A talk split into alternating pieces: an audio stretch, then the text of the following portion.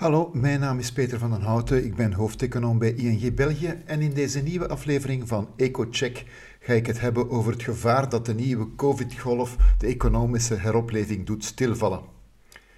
In de journaals op tv en in de kranten is de coronapandemie opnieuw alomtegenwoordig. In de voorbije weken zit het aantal besmettingen in Europa immers flink in de lift. Sinds half oktober is het aantal nieuwe besmettingen per dag verzevenvoudigd in de eurozone, ondanks een relatieve hoge vaccinatiegraad.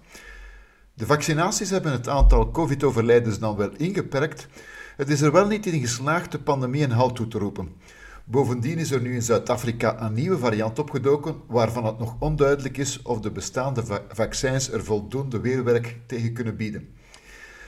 Een booster lijkt nu zeer noodzakelijk en commissievoorzitter van der Leyen riep alle lidstaten op om haast te maken met een derde prik.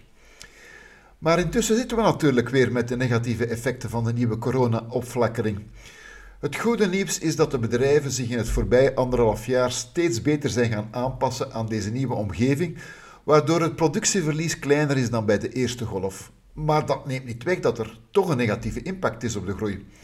Bedrijven, vooral in de verwerkende nijverheid en in de bouw, krijgen immers af te rekenen met een toenemend aantal zieke werknemers of werknemers in quarantaine en dat weegt natuurlijk op de productie. Zo moest Audi Brussel een week dicht vanwege een corona-uitbraak onder het personeel. Daarnaast is er ook een negatieve impact op de consumptie. Het consumentenvertrouwen is zowel in de eurozone als in België in november gedaald en die daling die zal nog best wat kunnen doorgaan. Dat maakt de consument iets behoedzamer, waardoor hij het geld minder laat rollen. Het kan natuurlijk nog erger wanneer bepaalde economische activiteiten worden gesloten. Zo heeft een sluiting van de horeca altijd een negatieve impact op de consumptie en dus ook op de groei, eenvoudigweg omdat de consument niet in staat is om zijn geld uit te geven. Zover zijn we nog niet.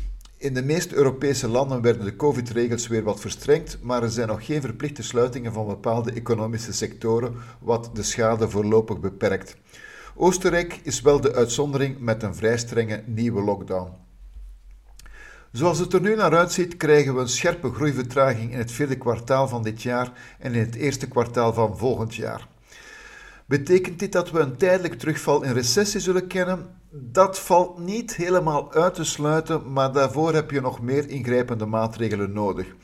In de voorbije winter was er inderdaad negatieve groei, maar toen sloten heel wat landen tijdelijk de horeca aan de scholen.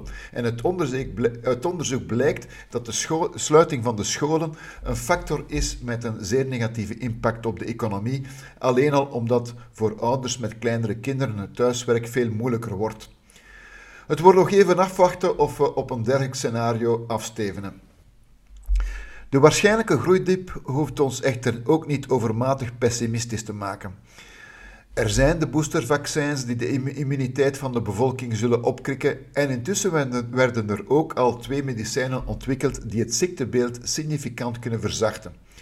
Bovendien weten we dat eens de winter voorbij is, de verspreiding van het virus normaal gezien weer achteruit gaat. En dan krijg je automatisch een economische inhaalbeweging, wat bijvoorbeeld in 2021 in het tweede en derde kwartaal tot zeer sterke groei heeft geleid. Besluit is dat we weer voor enkele economisch zwakkere maanden staan, maar dat neemt niet weg dat de gemiddelde groei voor 2022 waarschijnlijk nog altijd meer dan behoorlijk zal zijn. Bedankt om te luisteren en graag tot de volgende keer.